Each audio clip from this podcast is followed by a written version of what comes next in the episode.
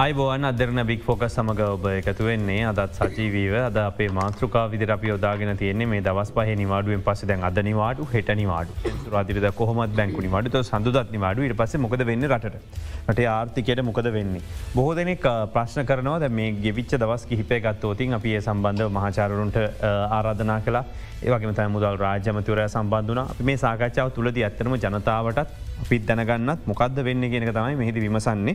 අපි අද ආරාධනා කර සිටිය එක්සත් ජාතින්ගේ සංවාධන වැඩසටහනේ උපදේශකවරයෙක් වගේම කොළම් විශ්වවිද්‍යාලයේ ආර්ථික විද්‍යා අධ්‍යනාංශයේ හිටපු ජේෂ්ඨ මහාචාරය සිරිමල් ලබේරත් මහත්මයට අයිබෝන් කියලා අයිබෝන් ගන්න ඒවගේ මහ බැංකුව සමගත් එතුමා මා බැංකුවේ උපදේශකවරෙක් විදිහට කටයුතු කරනවා එක් කොටසක.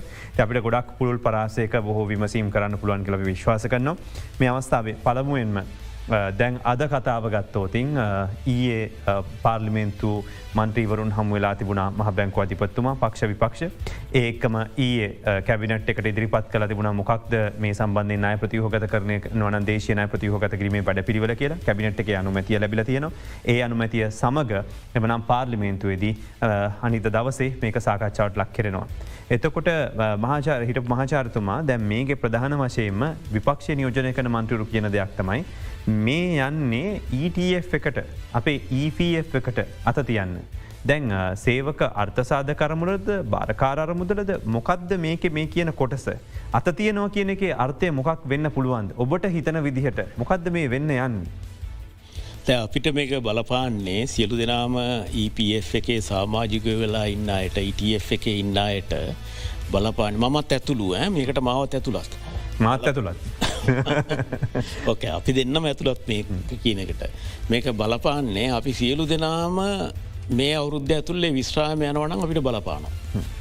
ද සූදනක්තිය දේම වෙන්න න. මට කොම විශ්‍රමයන්න බෑන කිවදකට මට ගන්න පුළුවන් කොටසකුත්තින ඒකයි දැන් තොට අපි මෙම කියමක. දැන් ආසන්න වශයෙන් ගත්තම් මිලියන දහනමේ දශම හතරක් විතර තමයි දස් විස්ත වෙනකොට මේක සාමාජිකත්යාරගෙන හිට අපි කියමුක මිලියන දෙකක් කියලා.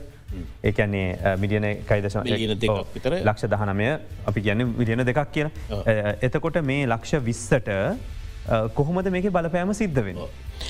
අපි සියලු දෙනා මොය මිලියන දෙක්ස විස්සම එක පාර විශ්‍රාමයන්ට ගියොත් නම් බලපානවා අනිවාර්යයෙන්ම.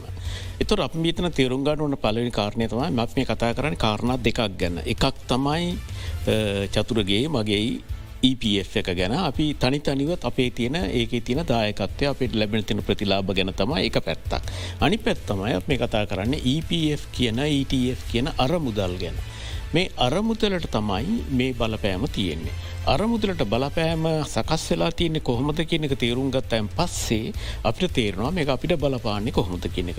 මොකක්ද වෙලා තියෙන දැන්ඔය සෑම කෙනෙක්ම තමන්ගේ ඉතිරි කිරීම් හරි එහෙමනැත්තන් තමන්ගේ මුල්්‍ය ආයෝජන හරි ආණ්ඩුවේ බැඳුම් කරවල ට්‍රේචරි බිල් සහ ට්‍රේචරි බොන්් කියන වගේ දානවා.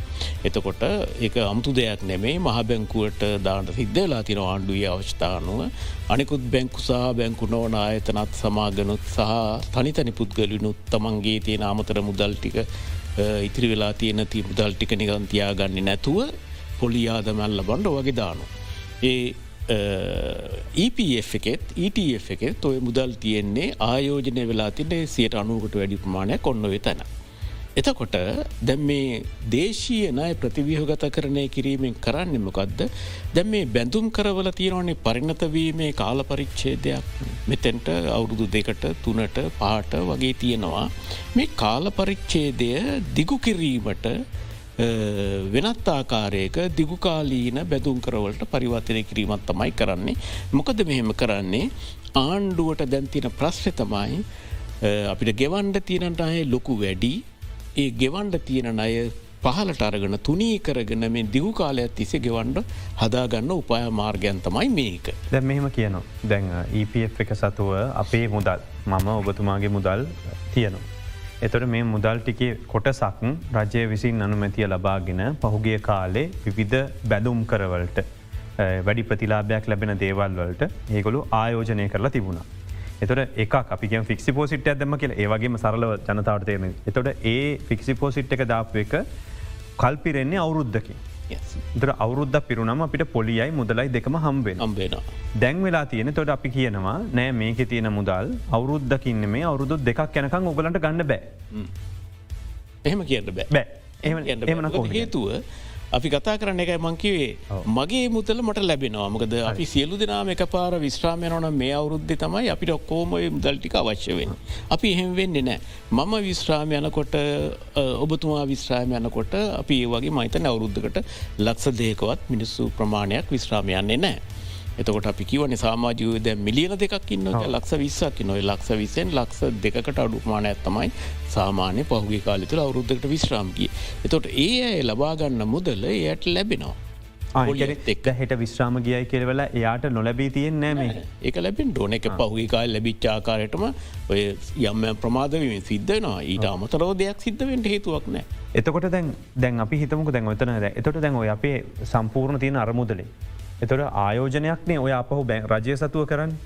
එතොට රජය සතුව ඕකෙම අපි දැක කොටස් වෙනද පොළ සහ වෙනත් විධ ආයෝජනය සිදුකන්න උත්සාහකැත් දැරුව උත්සාහ කලා නමුත් ඒවගේ බොහොමයක් ලාබ ලැබුව කියන කතාවක් නෑ. ඒ පාඩු ලබන්න. තර පාඩු ලැබුවන් පස්සේ ඒ අප අපිටම තමයි බලපෑම ඒකනම් බලපෑමත් තියෙන්ට පුළොම හේතුව මහිතන්න එක එච්චර අපි මුළු ප්‍රමාණයකම එක අති විශාල අරමුදලක් නෙමේ EPF කියන් මයිතයි ලංකාව තියෙන විශාලම අරශාලත මාරම එකන් දෙදස් විස්ස වෙනකොට රුපියල් බිලියන දෙදා සටසීත් තිබා ආසන්න වශයෙන් කෙනන් දැන් තුන්දහක් විතර තියෙනවතන තුන්දහක් විතර. එකැන ට්‍රීලියන තුන ට්‍රිලියන් තුනක් තියෙන ්‍රිලියන් තුනක් තියෙන ලංකා ඉතින අති විශාලම අරමුදලති මේකෙන් සියට එකක්දයක් කරන්න කොටස් වෙලදපුල එකත් අස් විශාලම්දලක් ගොටස් වෙල්දපුලට දනවා එක එක සමාගංවලට දනවා. තම තමන්ගේ කැමැත්තා කමැත්තා නෝ ඒවගේ වැඩ කලා පහුගේ කල. මගේ අනුමත කරන්න ඒක තියෙන නරක ප්‍රතිඵල දෙකක් තියෙනවා. එකක් තමයි ඒගොල්ලෝ පාඩු ලබනකොට ඒ පාඩුව EPF එකට එනවා. සමස්තයක් වස්සයෙන් ගද EPF එකට පාඩුව එන්නේ අරමුදලට එන්නේ. දෙවැනි එක තමයි එහෙම දැමීමෙන් කොටස් වෙළඳ පොලට වගේ තැන්වලට ලොකු බලපෑම් කරන්න පුළුවන්ගෙන මොකදර පොඩි වතුර ටැන්කිකට ගේලා අලිය පැන්න වගේ තමයි ඒක මේ ඒවගේ බලපෑම් ඇතිවෙන්න මකද මේක පොඩි කොටස් වෙළඳ පුලක් ඇති ඒ කෑල් අපි වැත්තකට තිීම අපේ දැන් සයට අනුවක්කට වැඩියෙන් මං දන්නයාරිට මතකනය ගාන. නොත් මං හිතන දිර සියට අනු පහක්කටත් වඩා වැඩියෙන් තියෙන්නේ බැඳුම් කරවල. එතුර මේ බැඳුම් කරවල කාලය දික්කරලා දුන්නයි කියලා. මේ අවුරුද්ධකට ඉවත් වෙලා එන සේවෙන් ඉවත් වෙලා යන ලක්ෂ දේකට අඩුමානයේ ඒගුල්ලන්ගේ අල්තැමට මුකුත්වෙන්ට හේතුවක් නෑ. එවනට දැන් වෘතිය සමිති ඒ වගේම තමයි සේවක සේවකයෝ බොහ දෙනෙක් බයවෙලා තියන්න තමන්ට සීයට තිය ගන්න බැරිවේ ගිහිල්ලා හිට දවසේ. එතකොට අවුදු දෙක් විතරනක ඊටපකින් සල්ලි ගන්න බැරිවෙන කියලා ඉපෙන් ගන්න බැරිවෙන කියලා කියයි. එහෙම එකක් වෙලා නැහැමං තෙල් මම දැක් නම දැක්කා මේ මහ බැංකුවෙන් නිකුත් කරලා තියෙන දත්ත සහයේ වාර්තාව සහ පාර්ලිමේන්තුරත් දිපකර වාර්තාවත් මන් දැක්කා ඒ වගේ තින ඉලක්කං අනුවතමයි මාත් කතා කරන්නේ. මම මගේ ඔපීනියන්ස් මේ අදහස් සුදහස් දෙනවනේ මේ ඉතින් බොහෝයට පුළුවන් එක කාරය අදහස් දහස් දෙෙන්ට. මම ඒ ඉලක්කම් භාවිතා කරලා තමයි මාත් කතා කරන්න ඉතින් ඒ අනුව විග්‍රහ කරනකොට මට පේන්නේ නෑ කෙනෙකුගේ ලැබෙන්ඩ තියෙන EPF ප්‍රතිලාබය ඒකට හානියක් වෙනවයි කියනක මට හිතන්ඩ හේතුවක් නෑ. අපි දැන්න්න ඉපට කතාව යම් කිසියාකර විමස මොකද තාම මේක අපි බාරදීලා තියෙන අනාගතයට අනිදා ඉංගනිද්ද දවස්සල තියරලා ඊට පස්සතයි මේ සම්බන්ධය මොනහරි ගැටලුවක් නිර්මාණය වෙනවද නැද්දෙකල බලන්න පුළන් වෙන්නේ අපි දැනට සමාජය තියන කතාව සහ වෙන්න පුළුවන්දේ ගැන තමයි මෙහිදී විශ්ලේෂණය කරන්නේ ජේෂ්ඨ මහචාරරෙක් දෙරාර්ථික විද්‍ය අධ්‍යනාංශයේ වැඩකරපු සහරජය ආයතන ගන්නාවක වැඩ කරමින් ඉන්න. ඒ වගේම හදිසියකට අපි හිතමකෝ EPF එක සම්බන්ධ ප්‍රශ්නයට හිමාව නෑ කියල මහචාර්තුම ඒ වනත් ඊළඟට තියෙන ප්‍රශ්තමයි එහෙමනං ඇයි මෙච්චර බයක්? ඇයි මේ නිවාඩු අරගෙන මේක කියන්න තරන් හේතුවක්. එති මේ ප්‍රසාමාන්‍ය විදිර මෙ කරන්න තියෙන වැඩක්න. ඒකට නං මේ තව හේතු තිය නවා මහිතැන බැංකු පිළිබඳව ලොකු බයක් තිනවා මිනිස්සුන් ඒක මේ අද ආපු දෙයක් නෙමෙයි. බැංකුවලට මේක ලොකු බලපෑමක් වේ කියලා. එවගේ මහ බැංකුවමකද දේශීය නය කියනක දැන් අපි ණය අරගෙන තියෙනවා. අතිවිශාල වසයෙන් අපිට ගෙවා ගණඩ බැරිමට්ටමට. හරිද? එතකොට අපිට ඒ නයි ගෙවන්ට තියෙනවා. මේකට අපි සියලු දෙනා සහභාගි වෙලත් තින මේරටේ පුරවැසියෝ සහභාගි වුණා ආණ්ඩුවත් සහභාගනා දේශපාලනච්චය සහභාගන කෝමරි අපි රට ගෙනවා මේ ප්‍රශ්නයට ගෙනාව. අපි විසි අරංආාව කවුරොත් නෙමේ. එතකොට දැන් අපිට මේ අය ගෙවන්ඩ තිනොතින් ගෙවීම හදාගන්නකොට දැන්ව බැංකු ශේෂත්‍රයට දැ මගේ තව හිටපු ශිෂ්‍යයෙක් පශ්චාත් උපාධි හධාරම හිටපු ශිෂ්‍යයෙක් කාලිකට පස්සේ මට එස්MS එකක් කෙටි පණීඩයක් කියවනවා ඒවලගෙනවා මගේ යාලුව ඔක්කොම ඒගොල්ලන්ගේ තියෙන ස්ථාවර තැන්පතු බැංකෝලියෙන් අයින් කරගන්න. සර් මාත් මගේ ෆික්ස් ඩිපොසිට් එක අයින් කරගණ්ඩද මේ බැංකු කඩා වැටෙයිද. මං උත්තර ඇත්දැම් අයාට හැමෝම එකතු වෙලා තමන්ගේ ඩිපොසිට් තැම්පතු අයින් කරගන්න කොට බැංකු කඩා වැටෙනවයි කියලා. එක සිද්ධ වෙනවානේ. ඒක තමයි ඒකන් ලැබලනය සිද්ධ වුණේ ලෙබන ඒක සිද්ධ වෙනවායෝ හැමෝම එකන අර පෙළ පාලියන්න මිනිස්සු. ඉතින් ලංකාවමං ඇත්තවස එක පැත්තගේ සන්තෝසනවා අපි එච්චර කාලයක් අර්බුදය නැතුව අප අනි පෙත්ත හැරුණා හැබැ අපි හොඳට ඔළුව ගහගත්ත ගලේ ඒ ගහගන තමයි අප මේ පාඩම ඉගෙන ගත්තේ. ඉති නමුත් අපි තාම අවධානමක ඉන්නවා. ඒ අවධානම ඉදිරියේදී අඩුවේද වැඩිවේද වෙනස්වේද කැන්ව අප මේ උපකල්පන මතන අනිතේ කතා කරන්න උපකල්පන කියන්නේ අපි හිතන විදිහ තමයි මේක දැන් ලෝක ආර්ථික අර්බුදයක් ආය ඇති වුණා. අපි හිටියනොඩ අමරුට වැටන. ආය තව පැන්ඩමික් මකක්ද කෝවිඩ් ප්‍රශ්නයක් ආවොත්. විනාසයි ලංකාව මේ. ඒ වගේ අවධානන් තියෙනතින් අපි ඒ උපකල්පන පාවිච්චි කරගන තමයි අප මේ නය අර්බුදයෙන් ගොඩ එන්ට හදන්න. ඉතින් මේකෙන් ගොඩ එන්නකොට ඉතින් ඔය කියන මේ සිද්ධ කරන මේ කටයුතු කරන මහිතන්න මේක දේශපාලනකතයෙන් බොහොම සීදි විනසා ගැනීමක් වෙනවන්නේ මිනිස්සුන්ට බලපානාකාරයට මේ ආදණ්ඩගියු මොන ආණ්ඩුව හිටියත් මොන නායකව හිටියත් ඉතින් මංහිතන්නෑ මොන ආණ්ඩුවකොත් ඒ දේශපාලනික සියද විලසා ගැනීමට සූදානං වෙයි කියලා. ඉති එහින්ද මංහිතව මේ ජනතාවට මේක මේ බල නොපාන විදිහයට තමයි. හදාගන තින් මොක දර හයාකට් කියන.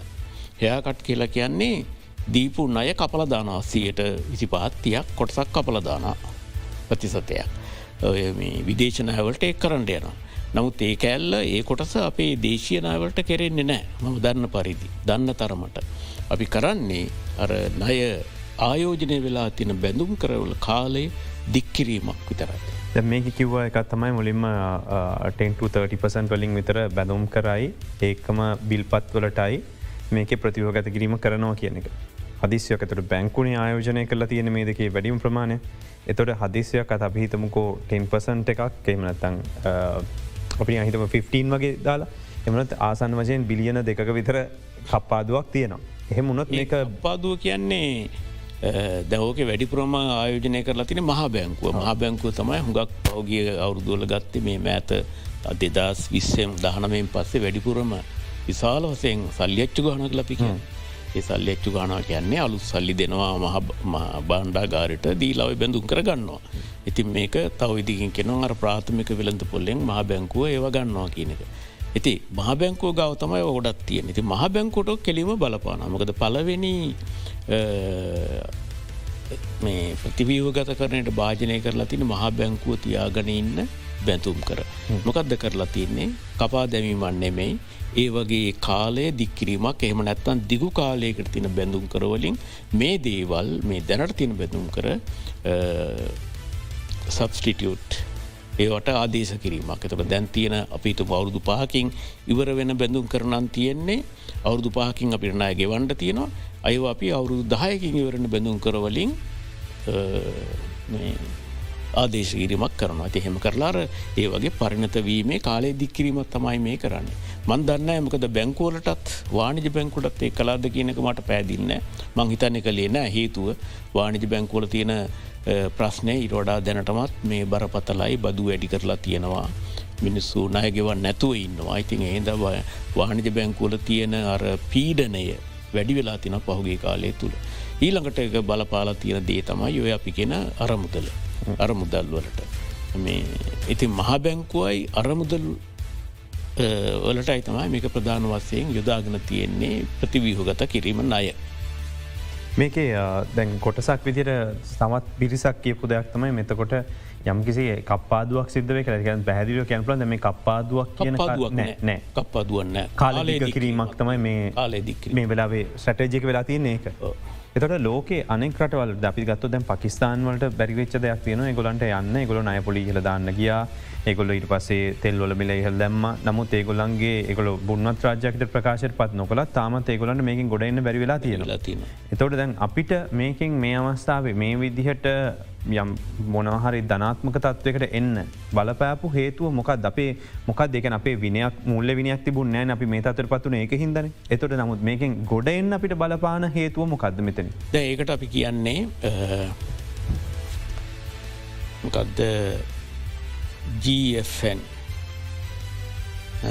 දල මුල්්‍ය අවශ්‍යතාවය කියල එකත් තියෙනවා ආණ්ඩුවට ඒ අවශ්‍යතාවය කියලා කියන්නේ අයවෑ හිගේ පියවා ගණ්ඩ සහ ණයගෙවන්ඩ අවශ්‍ය කරන ඒ අවුරුද්ධට අවශ්‍යක මේකට මේක තමන් කරන වියදංවලට අමතරුව. අයවෑ හිගේ පියවා ගණ්ඩයි ණයගෙවන්ඩයි අවශ්‍ය කරන මුදල් ප්‍රමාණය. එතකොට මෙන්න මේක පහලටගේන්ඩ අපි ලොකු කැපකිරීමක් කලා අපි දන්නවා අයවැය සම්බන්ධය ගොඩක් දෙවල් කලා ඒවගේම අපි මිල ගනං විදුලිය මිල තෙල් මිල ඔය දෙවල් හුඟක් ඉහල්ටගෙනවා ඒවගේ මිල ගනන්දාලා මොකද අපි ඒ වගේ පාඩුගෙවමින් හිටිය. ඊළඟට බදු වැඩි කලා විශාල වසයෙන් ඉතින් ඔය වගේ ප්‍රතිපත්ති අරගත්තා. හැබැයි ඒවක්කම අපි සියලු දෙනාටම දැවුණ. දැනෙනවා. අපි ඒක මංකීවර මේ ඔළුව ගලේ ගහගන තමයි අප මේ පාඩම ඉගෙන ගත්ත කියලා මොකද නැත්තම් මෙව කාලයක් තිස්සේ ටිකෙන් ටික කළ යුතු තිබිච්ච දේවල් නමුත් අපිට ඔක්කම දේවල් එක පාර කරන්න සිද්ධ වුණා. ඊළඟට පොලි අනුපාත හැඩගස්වා ඉතින් ඔය විදියට අපි මුල්ල ප්‍රතිපත්තියක් අර අයවැය ප්‍රතිපත්තියක් කියන දෙකම යටතේ ගණ්ඩ තියෙන ප්‍රතිපත්ති ක්‍රියාමාර්ග අර ගැනීම තම මංහිතන ම හිතන විදිියටනම් අපිට මේ විදියට ගොඩක් දුරට මේක සමනය කරගන්නට පුළුවන් වුණේ හැබැයි අපි අවධානමෙන් අයින් වෙලා නෑ. මොකද ලෝකාර්ථික අවපාතයක් ඇති වුණෝතා වගේ වෙනත් ආකාරයක අනපේක්ෂිත ප්‍රශ්න අපිට අවුත් එහෙම අපිට මේක තියෙන මොකද අපි තාම ඉන්න බොහොම පීඩාකාරී තැනක ඉන්නේ අර වල්නර පිල්ටි කියෙන අපේ බොහොම ඉහලයි. ඇති ඒ වගේ පහරක් වැදුනොත්. ඉති වැදෙන් නෑකින උපකල්පය ඇතේ අප මේ කරන දේවරලින් රට ඉස්සරට යයි නමුත් වැදු වැදුනොත් ඇත්වසම අපි ඒක හුඟක් බලපානවා දෙවන කාරණය. දැන් අප මේ තාමත් කරන්නේ අපේ ණය ගෙවීමේ හැකියාව වැඩිදියුණු කර ගැනීම සහ ණය ගැනීමේ හැකියාව වැඩිදියුණු කර ගැනීම. ඔය දෙක නැප මේ කරන්නේ. කිසිම ආදායමිපීමේ කටයුත්තක් මේ කර එතැන තමයි මට එන්ඩෝන මොකද මේක තිරසාර වසයෙන් ඉදිරියට ගෙනහිල්ල මේ අර්බුදෙන් ගොඩ වෙලා අර දෙදස්තලි සට වෙනකොට පෝතත් රටක් බට පත්වෙනවා මේ ප්‍රශ්නවලින් හුඟක් මිදිලා කියන තැනට යන්ඩ අවච්ච කරන ආදායම් ඉපයිමේ කාර්යයට අපි තාම ඇවිලනෑ අපිට දකිනවා අපි මේ ලෝක බැංකුව මේ ඩොලර් මිලියන හස්සියක් දෙනවා ආසියනු සංවදර බැංකෝ මෙච්චරදෙන අපි මේ පහුගේ කාලය තුළේ දීපු ඔක්කෝම දේවල් නයනතාම් ඉස්රට ගෙවන්ට තිනවා එක අපි ආදායම් වැඩි කරගන්න කොහොමද කියන එක තාම හිතලන ඒ ඒකට උත්සාහ කරනවා. හැබැයි ඒක මහිතන්න ආණ්ඩුවට විතරක් නෙමෙයි. ජනාධපයතුමාට විතරක් නෙමේ ජනතාව සිරු දෙනාගේ වාකීම තියෙන එතන තමයි. කොහොමද ආදායම් උපයන්නේ? කොහොම දෙතැන්ට අවශ්‍ය කරන ප්‍රතිපත්තිමය සංශෝධන කරන්නේ? සහ අපේ තියෙන ක්‍රමවේදය වෙනස් කරගන්න කොහොමද? ආයෝජන වැඩි කරගන්නට. එතැන්ට අපි අන්ඩුවල්. මේ දැන් බොහෝ දෙන කියනවා දැන් ටුවරිසම් මලින් අපිට එන ප්‍රමාණය වැඩි වෙලා තියෙන එකයි. එතකොට විදෙස් ප්‍රේෂණ සම්බන්ධ වැඩීම පැදිට පේන මොකද රටේ මිනිසුන්ගේ තියෙන රට පිළිවන්තින විශ්වාසනය අත්වය පිළිවන්තින පළුදුවීමත් එක් විදෙස්ගත වෙන බොහෝ පිරිසක් එතොට එතන ආදායමක නිවාරෙන් එනවා එකත් එක් අපිට මේක මැනේජ් කරන්න පුළුවන් කියලා. එතකොට ඇත්තටම ගත්තෝතිකැන් දෙදස් දහටේ අපි තත්ත් එක කතා කරත් ොරසම් වලින් අපි කතාගන 4.5 බිලියන්න එකක් ඊට පස්සේ විදෙස් ප්‍රේෂණොලින් 7.5 බිලියන් මගේ හිතාගෙන තොට අපිට පුළුවන්ද මේකෙන් විතරක් ගොඩ දාන්න අපනයන ගැන අවධානයමු නොකර. අපිට මෙතැන් තමයි තීර ප්‍රශ්නයකද අපි බොහෝ දෙනා කතා කරන්න මේ කෙටිකාලි නොර වැටිච්ච සංචාර කර්මාන්තයයි පොඩ්ඩක් උළුවස්සල හිටන් අපිට ඩොලර් බිලියන හතරක් පහක් ඒනවා. ඊළඟට ප්‍රේෂණවලින් විදේශ ගියායගේ මහිත නොය යන කට්ටියකින්නම් ආදායන්ගෙන්න්නේ නෑ මොකද රට හැර යනය ලංකාවට ආදායන් වන්නේ නෑ සාමාන්‍ය. ඒගොල්ලෝ එහි පදිංචිට යනයි. සාමානය ලංකාවට ආදායන් එවනි දුප්පත් වැඩත්තකයෝ විදිහට අරි කොමට යනවන ඒ වගේ අයි තම ලංකාවට එවන්නේ ඒක අපිට සෙවන් බිලියන හතක් විතර වගේ ඩොල රාව ඉතින් ඔය බිලියන හතයි මේකයි ගත්තයින් පස්සේ ආන් හම්බෙන අනෙකුත් නයයි. ඔය කාරණාටික හැරුණු කොට. මහිතන අපි අඩුම වසයෙන් රඳා පැවී පැවතිය යුතු අපේ ආර්ථිකය කාරණාටික තමයි ඔය කීවී. මොක දෝකෙන් රටක් හැදින්නේ නෑ අපි සංචාරකයෝ ටික වැඩියෙන් මාවි දෙදස් දහටේ මිලියන දෙකයි දසම දෙකක් විතර ඕක දෙගුණ දෙගුණයක් කළත් තුංගුණයක් කොල්ලත් අපේ ආදායම ඩොලර් බිලියන දාය විස්සත් තියක් වෙන්නේ නෑ. අපිට ඩොලර් බිලියන සීයත් දෙසියත් දක්වා අපේ ආදායම් වැඩිකර ගණ්ඩ තින අපි තැන්ටයි යන්ඩෝන ඒක තමයි තිරසාර වසයෙන් අපි ආදායම් වැඩීම කියල මං අදස් කරන්න. ඒක සිද්ධ වෙන්නේ ආයෝජනවලින් ඉතින් අපි දන්නවා අපේරට ආයෝජන ඇයි දුරුවල වනේ ඇයි අපි ආයෝජකයෝ පන්නා හැරියේ? දේශපාලනඥයෙන් විසින් පන්නා හැරියා ෘතිය සමිති විසින් පන්නා හැරියා අපි සියලු දෙනාම එකතු වෙලා ආයෝජකයෝ පන්නා හැරිය අපි ආයෝජනට විරුද්ධව සටන් කලා හැබැ අපි නයගන්නවට විරුද්ධ නම් අදටත් සටන් කරන්නේ නෑ. අපි කෙටි විරාමිකට යොම වෙලා විත් තවතුරටත් සාකච්ඡා කරමු මේ ගැනත් තවත් බොහෝ දේවල් ගැනත් මොහොතක් දෙන්න විරාමිකට යොමෙන්න්නවසාම අද දෙන්න දික්පෝ.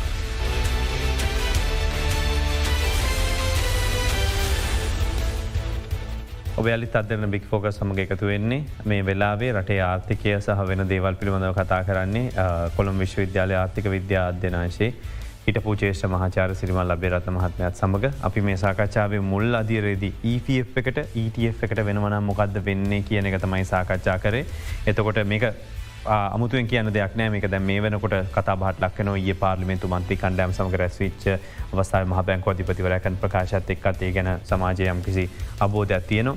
එති මේක ඊළඟ කොටස තමයි අපි ගෙවන ඩොල ප්‍රමාණයට ඩොලර එකට ගෙවන රුපියල් ප්‍රමාණය වැඩිවෙයිද. දැ මේ ප්‍රතිසංස්කරණයෙන් පස්සේ මාකාරක මහ බැංකුව සතුව යම් සංචිතයක් තිබෙන මේ වෙලා වෙකලට ප්‍රාථමික වලට මිට ගත්තුව තියෙනවා. නමුත් ඒ මිට ගත්තය ප්‍රමාණවත් වේද යම් කිසි ආකාරකින් ප්‍රශ්නයක් කාවෝතින් තොට මහ බැංකුව සංචිතවලට ප්‍රශ්නයක් වේද තොට ඩොලර එක ඊළඟ සතිය මේකින් පස්සේ ලොකු ගානකින් ඉහල ගිහිල තියනේද? එහම තමයි එලිය කතාව යන්නේ. දැන් මහාචාරවරයෙක් විදිරත් ආර්ථික විද්‍යාව සම්බන්ධය දන්න කෙනෙක් විදිරත් ඔබ කියන්නේ කුකක්ද මේ ගැන. ඩොලරය අවප්‍රමාණය වෙන්ඩ බලපාන ප්‍රධාන හේතුවත් තමයි රටේ රුපියල් ප්‍රමාණය වැඩිවීම. එතෝට ඒ අපි දැක්ක පෞගේ කාලය තුළ ගොඩක් එක සිද්ධ වනා රටේ මුදල්පමානය වැඩි වුණා. මහබැංකව සල්ලි අච්චු ගාල සහ මුදල් සැපම වැඩි කරලා පොලියනු පාත පහලට ගෙනල්ලා. ඉතින් දැන් අපි දන්නවා ඒ කරපු දිවලින් ඔක්කගේම අනි පැත තමයි සිද්ධ වෙන්න. තිය නිසා තමයි ඩොලරය දැන් ඩොලට ගෙවන රුපියල් මානය ගොඩක් අඩු වෙලා තියෙන්නේ. මොක ඒක වෙළඳ පොල විසින් තීරණය කරපු දෙයක් ඉස්සර වගේ මහබැංකෝ මැදිහත් වෙලා තීරණය කරපු දෙයකුත් නෙමේ මහබැංකු මැදිහත් වෙනවාර ඩොලර් මානෙන් එක කොටසක් මහබැංකුට මිලදී අරගෙන සංචිතවලට එකතු කරන්න. ඊට අමතරව මහබැංකුවේ මැදිහත්වීමක් නෑ මේ අනුපාතය තියාගන්න. එතෝට ඒක වෙළඳ පොල්විසින් සිද්ධ වෙන දෙයක්. ඉතින් දැන් අපි ඇත්තවසේම කරගෙන යන්නේ අර ඉස්සරට සල්ලි අච්චු ගහලා හෙම ආණ්ඩුවට බහන්්ඩාගාරකට අවශ්‍ය කරන සල්ලිදීපු අපි කාලයත් තිස්සේ කරගනාපු දේට ප්‍රතිවිරුද්ධ දෙයක්න. ඇති මේ අය ප්‍රතිවිහගත කිරීමනුත් අපි කරන්න බලාපොරොත්තු වෙන්නේ ඒ සල්ලි අච්චු ගැහීම සහ ණය ගැහීම මේක අඩු කරන්නට හදන්න. මේ ඒ අඩු කිරීමට තමයි මේ අපි අර කියන්නේ ණය අවශ්‍යතාවේ මුල්ල අවශ්‍යතාවේ ආණ්ඩුවේ ආණ්ඩුවේ මුල්ල අවශ්‍යතාවය කියන්නේ අයවැහිගේ පියව ගණ්ඩයි ණයගෙ වණ්ඩයි අපිට සල්ලි කොච්චර ඕනද කියන එක කෙටියෙන් කියනවා. ඉති මේක පාලනය කර ගණ්ඩ අපි දැන් උත්සාහ කරනවා. එතකොට අපිට මුදල් සැපයම පාලනය කර ගණඩ එමනතන් සල්ලි අච්චු ගැහීමේ අවශ්‍යතාවයක් අඩුවෙනවා ටික ගොඩක් අඩු වෙලා නෑ අඩුවෙන. දැනට අපිට දලදේශය නිෂ්පාධිතයෙන් සීයට දාසකට වඩා වැඩියෙන් අවශ්‍ය වෙන ඔයකිප් කාරණා දෙක අයවැහිගේ සහ නයගෙවීමට අවශ්‍ය වන මුදල් මානය සීර දාසයක් විතර වෙන දාදිරත් වැඩි. මේක අපි අඩු කරගණ්ඩ බලාපොරොත්තුවෙනවා ඔය විදේශනය ප්‍රතිවිහව ගත කිරණය කිරීමෙනුයි දේශීය අය ප්‍රතිවිහව ගත කරණය කිරීමෙන සිර දොලාහකට විතර. දාසේ සිට සිර දොලාහකටතර. ඒ අඩු කර ගැනීම නිසා අපිට රජයට තියෙන මුදල් අවශ්‍යතාවය සීමා කරගන්න පුළුවන්. ඇති අපි දැන් මිදිලි බිල වැඩි කලා පෙට්‍රල් ඩීසල් වැඩි කලා බාණ්ඩ මිල්ලෝ ආණ්ඩුවේ උපයෝගිතාවල දෙන මිල ගනම් වැඩි කලා ඇති ඒකනොත් අපි කළේ එකට සහනයක් නිකලේ ඒදේට අපිට අසාහනයක් තම එනමුත් රජය සහනය ලබාගෙන තියෙනවා. එතකොට අපි මේ ඔක්කගෙම කරන්න අර සල්ලි අච්චු ගැහීමට තියෙන පෙළඹවීම අවශ්‍යතාවය පාලනය කරගන්නවා. එහෙම නං ඒක ඩොලරේට බලපාණ්ඩෝන ඩොලරේ වටනාකම් රුපියල් මිල ගනන් අඩුවෙන්ට තමයි දැනට තින ප්‍රවණතාවේ තියෙන් අඩුගානේ කෙටිකාලීනවත්. හැබැයි මෙහෙම කාරණාවකුත් තින දැම්මන් කියනන මේ ආර්ථික විද්‍යාව අපි ප්‍රශ්නවලට උත්තර දෙනකොට හරි පරිස්සංවෙන්ඩෝ නම්කද හේතුව උපකල්පන තියෙනවා.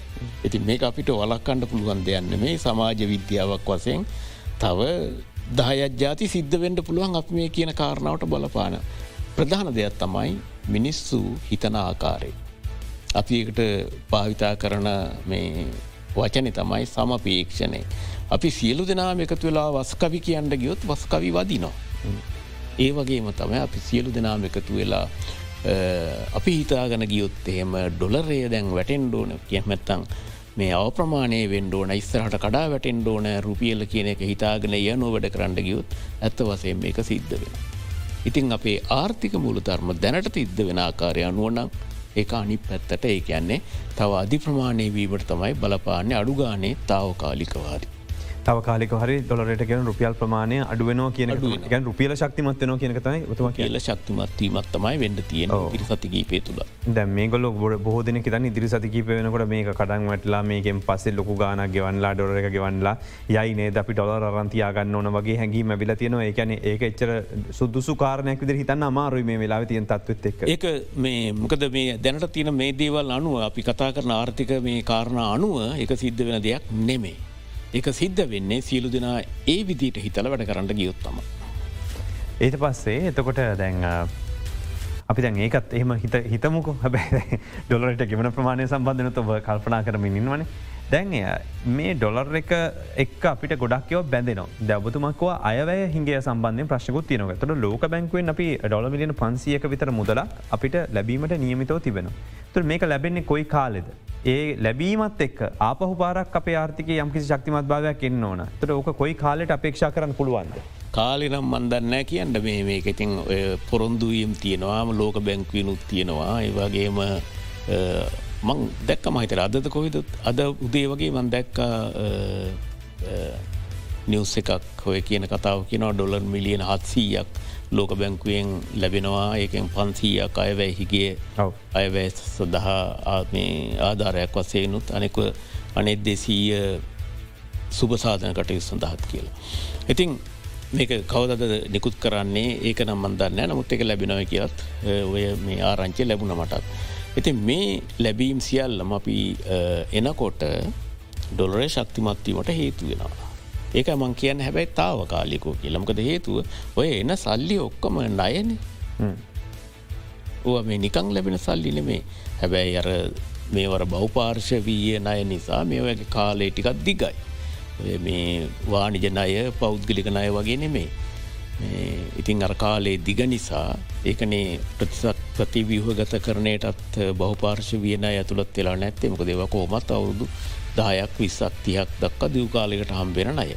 ඉතිං ඔය සියල්ල අපිට ලැබෙනකොට අපේ ඩොලරේ තවත් ශක්තිමත් වෙනවා.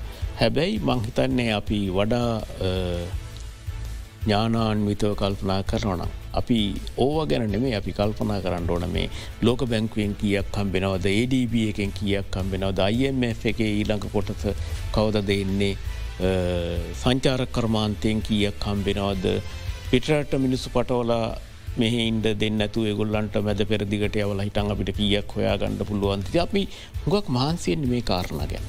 ඇයි අපිට බැරි ආයෝජන ගැන මහන්සියට. මොක දේක ස්ථාවර ඉදිරියට ලැබීමක්. ඒවගේම ආයෝජන එකක් කෙනකොට ඒක පිටිපසේ තව ආයෝජන ගොඩක් කෙනවා. ඒක තියෙනවාර ගුණක ප්‍රතිවිපාක තියෙනවා. ඉලාට ඒක තියෙනවා දේශීය ආර්ථිකයටත් ව්‍යාපාරකින්ට සේවා නියුක්තිය වැඩිවෙන්ට පිටට යනය නතරවෙන්ඩ පුළුවන් මේක ඊළඟට රැකියවල් වැඩියලා අප නෑන වැඩුවෙන් පුළන් අපේ තිරසාර විදිර ඩොලරීපීමක් වෙනවන්න.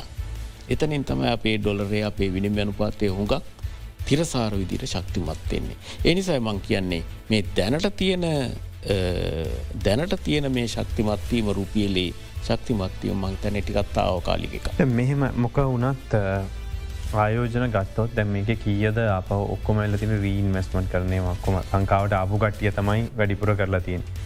අලුතෙන් එනව ගත්තෝතින් නැහැ වගේම කියල කිවට කමක් නෑ. එතකොට දැන් අපි ටීම් බිස්නස් ඉන්ඩෙක් එක ගත්තොත් අපි ඉන්නේ සීහටලා ඔන්න මෙන්න තියලා.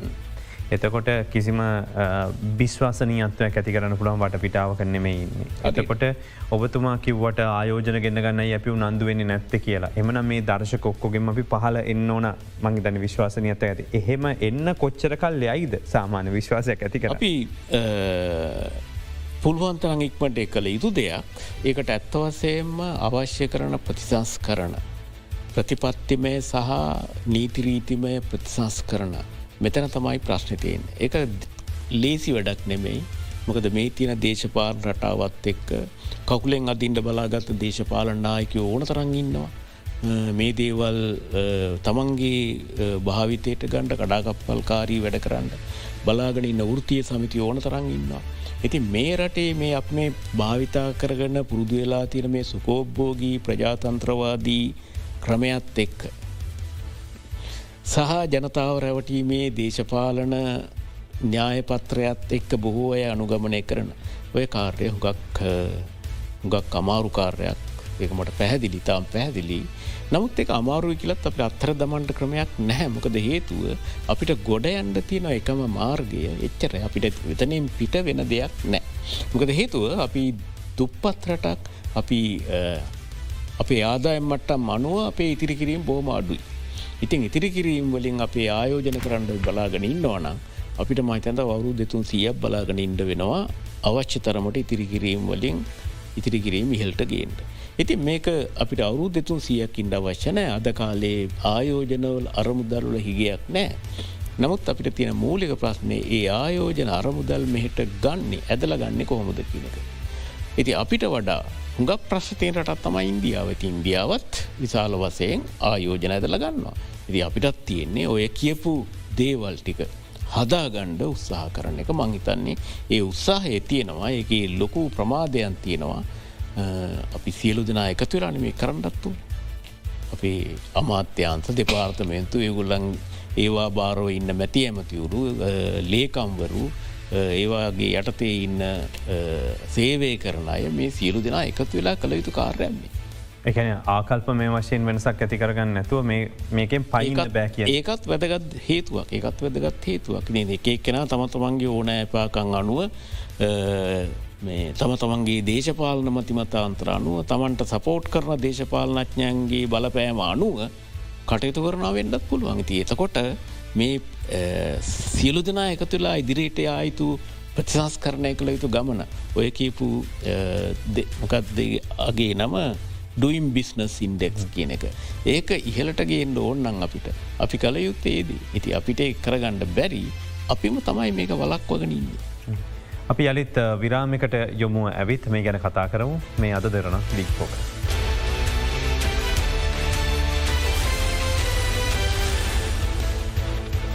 වැල අදරන බික් ෆෝක සමගයි සජීවී එකතු වෙන්නේ මේ අවස්ථාව අපිත් එකතු වෙන්නේ කොළම් විශ්වවිද්‍යාලයේ හිටපු ජේෂ්ඨ මහාචාරය ශ්‍රීම ලබේරත්න මහත්මය අපි සාකච්ඡා කරන්න මේ වෙලා රටේ වෙන්න යන්න මොකක්ද කියනක දැම මේ දවස් පහක බැංකුණි මාඩුවෙන් පස්සේ ඔබ සඳුදා එම අඟහරුවාද වැඩටෙනකොට මොනහරි හිතන්න බැරි දෙයක් වෙලාතියේද එතකොට මූල්‍ය ශේෂත්‍රේ බැංකුවට ගිහි ලබ මොකක්ද කරන්න? තකොට දැන් බැංකුවේ තියෙන ෆික්ස් ඩිපෝසිට් එකට ප්‍රශ්නයක් වේද තැන් ජේෂ්ට පුරවැසියෝ ඉදර බය වෙලා තියෙනවා. තමන්ගේ කවුන්ට එකේ තියෙන මුදල්වලට මොහන් ප්‍රශ්නයක් වේ කියලා. බැංකුත් දැම් මේක සියට කොල්හ මට්ටමට ගෙනල තියන දැඟර වෙනදත විච්ච සියට තිහේ සීමාවේ නෑ විසි ගණන්වල නැහැ දැම් මේක බස්සල තියෙන්නේ පුළුවන්තරන් අඩියටම ද මෙහම ගියොත් ඒගොලන්ට ආදායමක් නැති වෙනවා. එතකොට ඊළඟට වෙන්න පුළුවන් එක මොකක් ධාර්ථිකය. බැංකු කඩා වැටෙනවයි කියලා කියන්නේ එතන තමයි මහිතන්නේ ආර්ථිකයත් කඩා වැටිලා අපිට බින්දුවේ ඉඳලම් පටන්ගණ්ඩ වෙන අවස්ථාව වෙන්නේ මං තිකක් පොඩ්ඩක් අපීතල බැලුවොත් මීට අවුරු දෙසීකට ඉතරහා පැත්තේ. ලංකාව කොතනත් තිබ්බේ කියලා. අන්න එතරින් තමයි පටන් ගණ්ඩ වෙන්න අපිටාය. ඒ තරමටම පාලට වැටෙන්ට පුළුවන් මොකද බැංකු චේස්ත්‍රය කෙනක ඉතාම වැදගත් තැනක් දැන් අපි පෞවිදසල දැකපු දෙයක්ත්තමයි ලෙබනනේ සිද්ධ විචි දේ ලෙබනනේ මොකදොයක වලක්වන්ඩ බැංකුවල මේ සීමාවන් දැම්ම සල්ලි ගණ්ඩ තියනෙවා. ඒ වගේ තැංගලට අපි කියන එකයි මහිතන ලංකාව වාසනාවන්තයි. අපි මෙහෙම හරි මේ ආපව් හැරෙන්ට හැබැයි බැංකෝල්ට තියෙන පීඩනය වැඩි වෙලා තියෙන පහුගේ කාල තුළ. පීඩනය වැඩිවෙන්ට බලපාපු හේතු කීපයක් තියෙනවා. එකත් තමා ඉන්නස්සුන්ගේ නය ආපසුගේවීම කියන එක අඩු වෙලා තියෙනවා. ඇතිගේ අඩුවීමත් එක් කර නොන් පර්ෆෝමිං ලෝන් කියන අගේ මතන සීර දොලහක් දහත් දොලාක් ඩී ලති නති මේකට මිනිස්සුන්ට නැතිබැරිකම නිසා ගව්වෙන් කියවපු දේවල් වගේම මිනිස්සු තමතොමන්ගේ බලය දේශපාලන බලය වෙනත් සම්බන්ධකම් බලය පාවිච්චි කරලත් බැංකුව එක එකතුවත් බොල්නාය කරගෙන නොගෙවපු බවට කතන්තර තියනවා. තින් මේ සියල්ලම එකතුව එක හේතුවක් වෙලා තියෙන බැංකු ශේත්‍රයේ පීරණය වැඩිවෙන්ට. දෙවැනි හේතුව වෙලා තියෙන්නේ බදු වැඩි කලා බදු වැඩි කලානේ පසුගිය ජනවාරිවල ඒ වැඩි කරනකොට බැංකුවලට තෙරි කලා බැංකු මහිතන සියට වැට් එකයි ඒගුල්ලන්ගේ සමාගම්බද්දයි දෙකම ගත්තාම් මේනකොට සියට හතලි සටක් විතර ඒගුල්ලන් තමන්ගේ ආදායමෙන් බදු ගෙවනවා ලංකාය වැඩියෙන්ම බදු ගෙවන ආයතන වන්නේ බැංකු. තියකෙන් තව ටිකක් මේ එක වැඩි වුණ.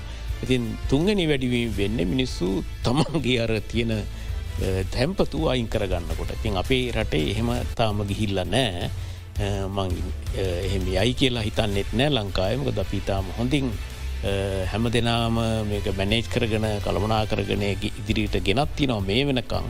ඉති එනිසා මංහිතන්නේ නැහැ ලබන සතිය අමුතු වෙනසක් ඇතිවී කියලා හැබැයි මේ තියෙන මිනිස්සු කියන විවිධාකාර තොරතුරු ඔපීනියන්ස් අදහස් ඒව ප්‍රකාශ කරලා රටේ කලබල ඇති කරන්න පුළුවන් මේ පුංචි ගිනිකුරක් ගැව්වා මහා විශාල ලැවගින්නක් ඇති කරන්න පුළුවන්න්නේ වනාන්තරයක් පිච්චිලය. ඒ සිත් දේවල් සිද්ධ වෙන්ඩ පුළුවන් ඒක මිනිස්සු කරන දෙයක්. ඉතින් අප මංහිතන අප ඒකට තමයි පරිසංගෙන්ට ඕන රජයත් මංහිතන් ඒ කල්පනා කරලා වෙන්ඩ ඕන දවස් කීපයක් දිගට නිවාඩු තිලා මේක සමනයට පත්වෙනකං තියාගනී. යම් කෙසේ ආකාරයකින් හදිසියක්කත් මේ කියන විදිහට පැංකු පද්ධතිය හරි මොනොහරි දේක අනවශ පි කැලීමක් ඇතිවන දැන්නම් කොමතිතින් බෑදත් බැංකුව හලහිද. කැලඹීමක් ඇතිවෙන්න සඳුද දවසේ අගහරුවත් දවසන පුළුවන්ද එහෙමුණත් ඒක ලොකු වාර්තිකට ප්‍රශ්නයක් වෙනවද. මංහිතන්න මිනිස්සු තේරුම් ගන්නවා නම් මේ ප්‍රතිවිහව ගත කරනේ දේශයනයි ප්‍රතිවිව ගත කරණය කියන එක මේ අර යකා එච්චර කලුනෑ කියනවා වගේ මේක මේ ලොකුවට එක එක්නා තම තමන්ගේ ඕමනායපාකං අනුව ගෙනන කටකතාවලට නැතුව. ඒවට අහුවෙන්නේ නැතුව මේක තේරුම් අරගෙන එක තමත් මේ සාකච්ඡාවත් මේ ප්‍රධාන මේ අවධානයමුන් එක තේරුම් අරගෙන කටයුතු කරන මුකුත්තෙන්ට හේතුවන්න හැබැයි කැලබීමක් ඇති උනොත් සිද්ධ වෙන්න ඉතින් චතුරවයත් ඉවරයි මාත්තිවරයි මේ රටත් ඉවරයි ඒලායි. එසේ නොවීම තමයි අපි සියලු දෙනාගේ වගට පත් කරගත යුත්තේ. එසේ නොවීමට අපි සියලු දෙනාටම ඉටු කළ යුතු කාර්ය භාරයක් තියෙනවා.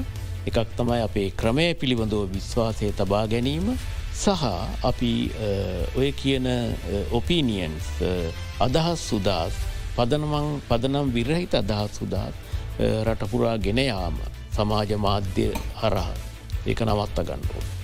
ද මේ මොහොතේදී අප යම්කිසි කෙනෙකුට ප්‍රශ්නයක් ඇතිවෙන පුළන් දැන් සීයට කොළහට විතර ඉතුරුම් තැන්පතුවල මුදල අඩුනයන් පස්සේ. තාම ලෝන්ස්වල එකැන ගත්ත ණයවල පොලි අඩු වෙලා නෑ. තොට මේ දෙක අතර වෙනස ගත්තා බැංකු යම්කිසි හොඳ වාසියක් ලබනද සියට හත්ලිසට ක්ෂනවා කිවට අනි පැත්තෙන්. අනි පැත්තේ මුල්්‍ය අතනොට ඒ වාසි ඇවිල තියෙනවන. විශාල චෝදනාවත් තියෙනවා. බැංකු හැම බැංකුම වෙන්ඩ බැහැ.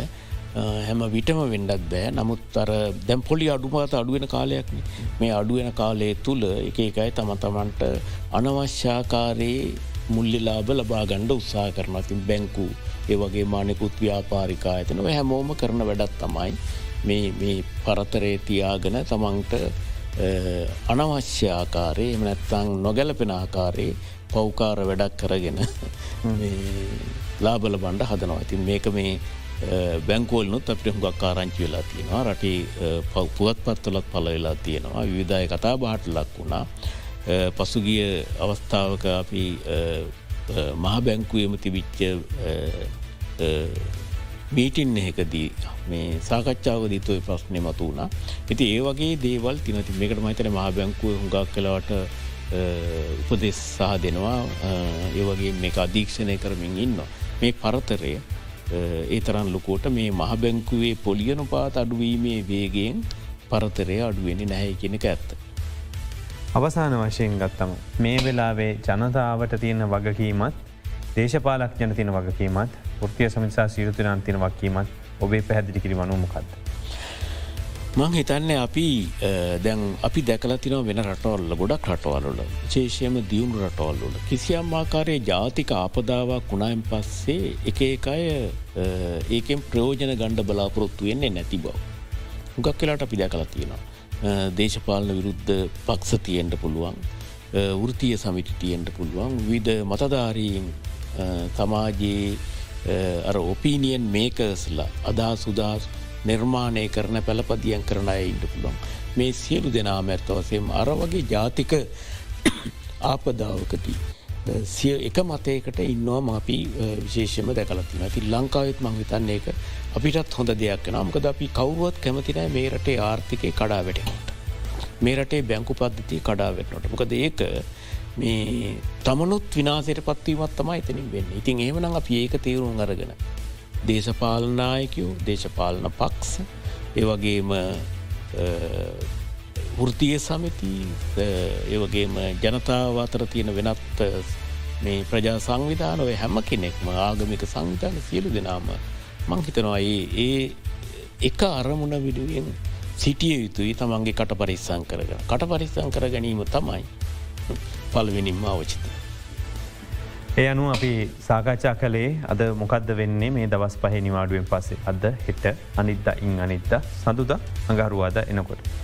මූල්‍ය පද්ධතිට යම් කිසි දෙයක් වෙයිද. ඔබ බලාපොරොත් වන විදිර මේ කියලා තියෙන විදිහට EPF එකට බලපෑමක් වෙයිද. එතොට මේ රටේ දෙදස් විස්ස වෙනකොට විතරක් මිලියන එකයි දශම නමයකට වැඩි පිරිසක්. අපි ලක්ෂ දහන නමය ලක්ෂයකට ආසන්න පිරිසක් වැඩි පිරිසක් හිටිය. මේ බාරකාර අරමුදලේ කොටස්කරු විදිට ඔවුන්ට මොනොවේද. තොට මේක යම් කිසි ප්‍රශ්යක් වුණොතින් අපිට අප විපියපෙක් ගන්න බැයිද ගිහිල්ල? මේ මුදලට මොනොවේද මේ ගැන තමයි පුළුල් සාකච්ඡාවක් සිදුකර ඒවගේ තමයි බැංකු පදතියත් එකම ඉස්තරහට වෙන්න පුළුවන් දේවල් අස්තිරතාවය නැති වනොති මොනවද වෙන පුළන් දේවල් කියල රට අපි කතා කරේ. අපිත් එක මේ සාකච්ඡාව සඳහා අද එකතු උනේ මහ බැංකුවේ මණ්ඩල උපදේශකවරයෙක් වගේම එක් ජාතින්ගේ සංවධ වැඩසට හනත් උපදේශකවරයක් විදර්ද කටයුතු කරන වගේම කොළම් විශ්වවිද්‍යාලයේ ආර්ථික විද්‍යා අධ්‍යයන අංශයේ හිටපු ජේෂ්ට මහාචාරය සිරිමල් ලබෙරත මහත්ය පෙන්ම ස්තුතියඔබට වැඩ අපි බැඩසටන නිමා කරනවා. මේ අද දෙරන බික් ෆෝකස් ඔබට පුළුවන් අධ්‍යයන පුවත් ප්‍රකාශයත් සමගකතු වෙන්න තවසු.